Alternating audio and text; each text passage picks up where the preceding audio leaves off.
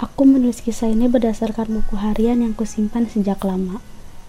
Membagikan kisahku pada kamu yang mungkin bisa menyampaikan satu kalimat untuknya lewat blog yang sedang kamu baca saat ini. Sebelum memulai kisahku, aku ingin memberitahu sesuatu padamu tentang sebuah kalimat sederhana yang tidak pernah sempat aku ucapkan padanya di awal pertemuan.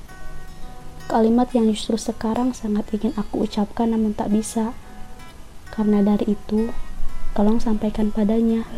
Kistain, senang bertemu denganmu lagi.